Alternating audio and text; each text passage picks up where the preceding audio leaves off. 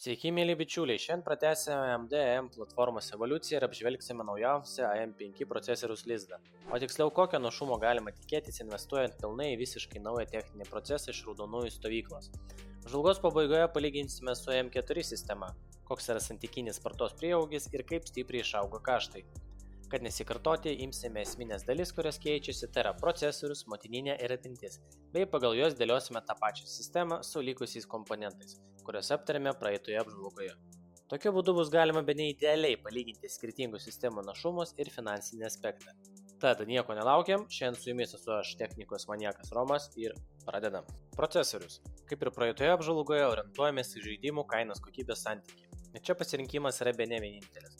Naujas 6 branduolių 12 GU, kol kas pradinio ligmens Ryzen 5 7600 procesorius, kuris rinkoje grubiai vertas 250 europinių vienetų. Taip pat gali nesunkiai susidoroti vis su visais jam mėtomais žaidimais, bet dar būti ir našesnis ir greitesnis negu jo pirmtakas. Lyginant minimą modelį su X variantu, pastarasis turi kiek didesnį padidintą boost dažnį bei aukštesnį bazinį veikimo dažnį, kuris sudaro beveik 1 GHz, kas yra gana nemažas skirtumas. Tuo pačiu šiluminio projektinė gale arba tiesiog liaudiškai TDP yra 105 W prieš 65 W, kas penktos serijos AMD procesoriams yra nesuvokiama ir anksčiau dėja nematyta. Iš esmės X versija yra kiek labiau galingesnė, bet tuo pačiu ženkliai neefektyvesnė energijos sąnaudų ir kaitimo prasme. Jo labiau, kad standartinį modelį galima patiems nesunkiai pasispartinti arčiau deklaruojamų verčių. O ir pats procesorius taip stipriai nekais kaip X versija ir nesieks kabutėse optimalaus 95 laipsnių limito. Su standartinė versija taip pat kartu komplektuojamas Wraith Stealth gamyklinis aušintuvas, kuris vis dar pakankamai efektyviai aušina procesorių. O jeigu norima tylesnių ir vėsesnių variantų, verta dairytis į bent jau nuo 40 eurų vertų aušinimo sprendimų, kurių dauguma skirti AM4 platformai, bet dėka pačių AMD, naudojant tą patį mentalinį dangtelį, suderinami ir su AM5 platforma. Trumpai, X versijos buvo skirtos tiesiog pasipinigauti, kol AMD neišleido kabutėse apkarpytas versijas, nes kitu atveju atsižvelgiant į minusų gausą ir ypač į bene dvigubą šilumos klaidą, tiesiog neįmanoma rekomenduoti jų, nebent norima absoliutaus maksimumo. Su 7600 galima mėgautis visais moderniais AAA žaidimais, esant džiuginančiais kadrų sekos dažniais ir visiškai nepermokant o ir su laiku, kai technologija natūraliai pasens ir kainuos protingiau, atsinaujinti visai neseniai pasirodžiusi 7800X3D, kuris yra tiesiog žvėriukas ir vertas geriausio gamingo procesoriaus vardo, kaip kad ir jo pirmtakas. Motininė plokštė, kur ilgą laiką nebuvo prieinama bazinė B650 versija, bet pagaliau tas yra pasikeitę ir jau galima rinktis optimaliausią būtent žaidimams. Daugeliu atžvilgių, pavyzdžiui, PCI Express linijų skaičiumi arba SuperSpeed USB prievadų skaičiumi B650 yra identiškas B650 Extreme versijai. Tačiau čia yra vienas esminis skirtumas. B650 mikroschemų rinkinys skirtas tik PCI Express 4.0 jungtims, o pagal numatytusius nustatymus pastarasis nesiūlo PCI Express 5.0 grafikus tiek lizdui ar tiek kitiems komponentams, pavyzdžiui, M.2 diskams. Aukštesnės kategorijos lustai X670 ir Extreme versija skiriasi tų pačių prievadų tiesiog didesnė pasiūla bei geresniais spartinimo VRM aušinimo sprendimais, bet ir kainuoja ženkliai brangiau, o žaidimo prasme skirtumas absoliučiai nejuntamas. Tad jeigu nėra svarbus ir artimiausiu metu pagal esamas tendencijas PCI Express 5 palaikymas vaizdo kortai, B650 yra bene idealiausias sprendimas žaidėjams suderinant naują platformą ir našumą. Iš gamintojų modelių labai stipriai yra nusivažiavę dėja Asus, kur net elementarus operacinės krovimas užtrunka dvigubai ilgiau negu pas konkurentus. Plius fiziniai dizaino ir praktiškumo trūkumai, o ir aibės smulkių programinių klaidų bei didelė kaina Asus produkciją paverčia ypač pat ir MSI, nors ir atrodo kiek geriau, bet taip pat yra kamuojami ilgais operacinės krovimo laikais, bei saliginai didelė prašoma kaina. Tačiau MSI atveju minėtus nesusipratimus ir klaidas galima pataisyti su BIOS atnaujinimais, kurie neišvengiamai atkeliaus vėliau ir netolimoje ateityje. Tad stebėtinai lieka tik Gigabyte ir Asro gaminiai. Pastarėję M5 platforma atrodo itin solidžiai visose srityse ir siūlo gerą našumą, be netobulą optimizaciją ir svarbiausia adekvačias kainas. Iš modelių galima darytis į ASRock B650M HDV arba Gigabyte B650M DS3H modelius bei jų didesnės ATX versijas. Nors atrodo šie modeliai yra baziniai, tačiau susitvarko taip pat gerai, o vietomis netgi kartais geriau negu brangesni variantai tiek iš MSI, tiek iš ir ASUS. Dėl minėtų kamuojimo negantų. Jeigu norima geresnio garso sprendimo arba kiek daugiau USB jungčių gale, arba tiesiog, kad estetiškai atrodytų maloniau motininė, galima drąsiai rinktis ASRock B650M PG Riptide arba Gigabyte B650 Gaming serijas. Verta pažymėti, kad visas motininės galima įsigyti grubiai iki nuo 160 ir 200 eurų ribos. Jos bus be neidentiškos ir tiesiog svarbu dairytis geresnio pasiūlymo kainos prasme arba su daugiau funkcionalumo. Šiam surinkimui renkamės ASRock V650M PG Riptide už maždaug 170 europinių vienetų ir judame toliau. Einame prie paskutinio svarbios keičiamas dalies operatyvinės atminties.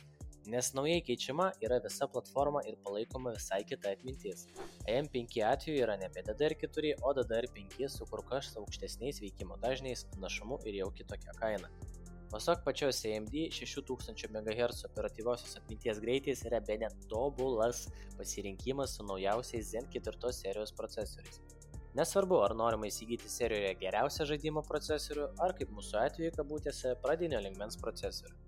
Net ir nepriklausomų apžvalgininkų testai yra jau ne kartą įrodę, kad pavyzdžiui renkantis pradinio lingmens 4800 MHz atmintį priklausomai nuo žaidimo, spartos deficitas gali sviruoti nuo kelių procentų ir net iki grubiai 12-15 procentų. Kadangi DDR5 yra vis dar ganėtinai naujas techninis procesas, kol kas dar neverta ieškotis dar greitesnių RAM, o pasirinkant auksinį viduriuką bus išspaudžiamas turimos geležies maksimalus potencialas žvelgiant į spartos kainos rodiklius. Bet taip pat turima sistema ir su lėčiausia DDR5 atmintimi taip pat labai nepriekaištingai veiks. Visgi prireikė nemažai laiko, kad DDR4 standarto būtų laikomas 3200, o vėliau 600 greičiai bet ir žemiausių greičių taip pat niekas labai nerekomendavo, tad ši taisyklė galioja ir su DDR5. Iš šiuo metu prieinamų pasirinkimų mm, optimaliausias variantas yra 6000 MHz atmintis iš Kingston Fury Beast serijos su CL36 vėlavimo dažniu.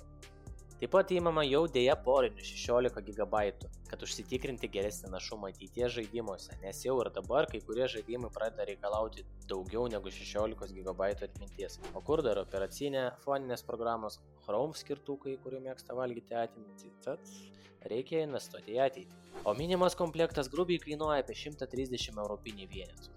Bet jeigu norima dar ir RGB varianto, pridėkite kokius papildomus 10-20 pinigų and you're golden. Po visų liežuvo laužimų pagaliau prieėjome prie skirtumų. Kaip minėjome pradžioje, visas kitos dalis nesikeičia, tik atnaujiname apžvalgos metu esančius komponentų kainas. Tada įmame AM4 Zen 3 variantą, bet pridėkime dar 16 GB, kad būtų sąžiningas palyginimas. Ir sistemos kaina yra grubiai apie 1100 pinigų. Yra M5 Zen 4 variantą, kurio sistemos kaina yra grubiai 1280 europinių vienetų. Apytiksliai komplektų kainos skiriasi apie 200 eurų. Pirmasis yra laiko patikrintas, stabilus, bei turi vis dar potencialo atsinaujinti į naujo procesoriaus galios lubas. O antrasis yra visiškai naujas technologinis procesas ir dar tinkamai nespės subręsti ir su savo tam tikrais kabliukais, bet su prognozuojant labai gerų potencialų. Bei tik Full HD rezoliucija daugelį tipinių žaidimų scenarijų antrasis komplektas pagerina žaidimų našumą maždaug iki 30 procentų bet pavyzdžiui pasirenkant ne 6700 XT, o kokią galingesnę kortą, bei testuojant su aukštesnė rezoliucija, skirtumas pradeda stipriai tirpti, nes jau procesorius nebėra limituojantis faktorius, o paprasčiausiai tik pati vaizdo korta. Rezumuojant, galimos trys išvados. Jeigu šiuo metu turite savo sistemoje 5600 Ryzen bei B4505550 motiną, atsinaujinti į be ne visiškai naujus komponentus kainuotų daugiau nei pusę tūkstančio eurų. Kai priklauso nuo žaidimo, gaunamas trečdaliu geresnis našumas. Tačiau pasirenkant atsinaujinti žvėriuką 580X3D, kurio kaina vis krenta ir toliau kris, investuoti tai reiks papildomas 300 eurų už be ne tą patį, o vietomis geresnį našumą, su didesniu darbiniu potencialu, nekeičiant daugiau nieko turimoje sistemoje. Mintis tuo, keisti be ne visą sistemą naują paprasčiausiai neapsimoka. Visiškai kita situacija, jeigu renkatės naujai sistemą. Čia pagrindinis argumentas yra, ar norima kuo labiau sutaupyti, bet gauti tikrai vis dar gerą našumo, nors ir jau kiek senstelėjusi ir limitą pasiekusi sistemą su vis dar galimu minėto procesoriaus atnaujinimo potencialu, ar paprasčiausiai iš karto rinktis maksimaliai įmanomą naudą. Ir kiek brangiau investuoti į naują techninį procesą su geresnėmis atnaujinimo perspektyvomis ateityje ir jau su solidžiu našumu. Jeigu susidėti, pavyzdžiui, skelbimo pagrindinės dalys arba tiesiog gaunant gerus pasiūlymus, aš tiesiog susidėčiau M4 sistemą. Atsižvelgus, kad žaidimai sukasi iki 1440 raiškoje mano atveju, ir žinant, kad galėsiu nesunkiai atsinaujinti investuojant kuo mažiau pinigų, šiuo atveju yra labai neblogas dylas, gaunanti tą patį gerą našumą. Tačiau nei kiek nesuklysite, jeigu pasirinkimas sviruos į M5 sistemą, kuri taip pat puikiai tenaus tiek dabar, tiek ir ateityje. Tačiau visa esmė yra tik piniginės aspektas ir ko tikimasi ateityje iš renkamos sistemos, nes grubiai 200 eurų skirtumas ir galimai trečdaliu didesnis našumas, kuris beje priklauso nuo žaidžiamos raiškos, yra tikrai rimti ir svarūs argumentai. Tad galiausiai grįžtant prie pradinio varianto, jeigu jau turite sistemą, Patarimas būtų paprasčiausiai ignoruoti naujai iškeptą kiek prikepusi EM5 blyną ir tiesiog palaukti neišvengiamai būsimo solidesnio kepaliukų iš AMD su geresniu energiniu efektyvumu ir didesniu spartos prieaugiu, dėl kurių būtų tikrai verta naujintis ir aukotis. Su jumis buvo visa žaidimų balsų komanda, dėkojame uždėmesį ir iki kitų kartų.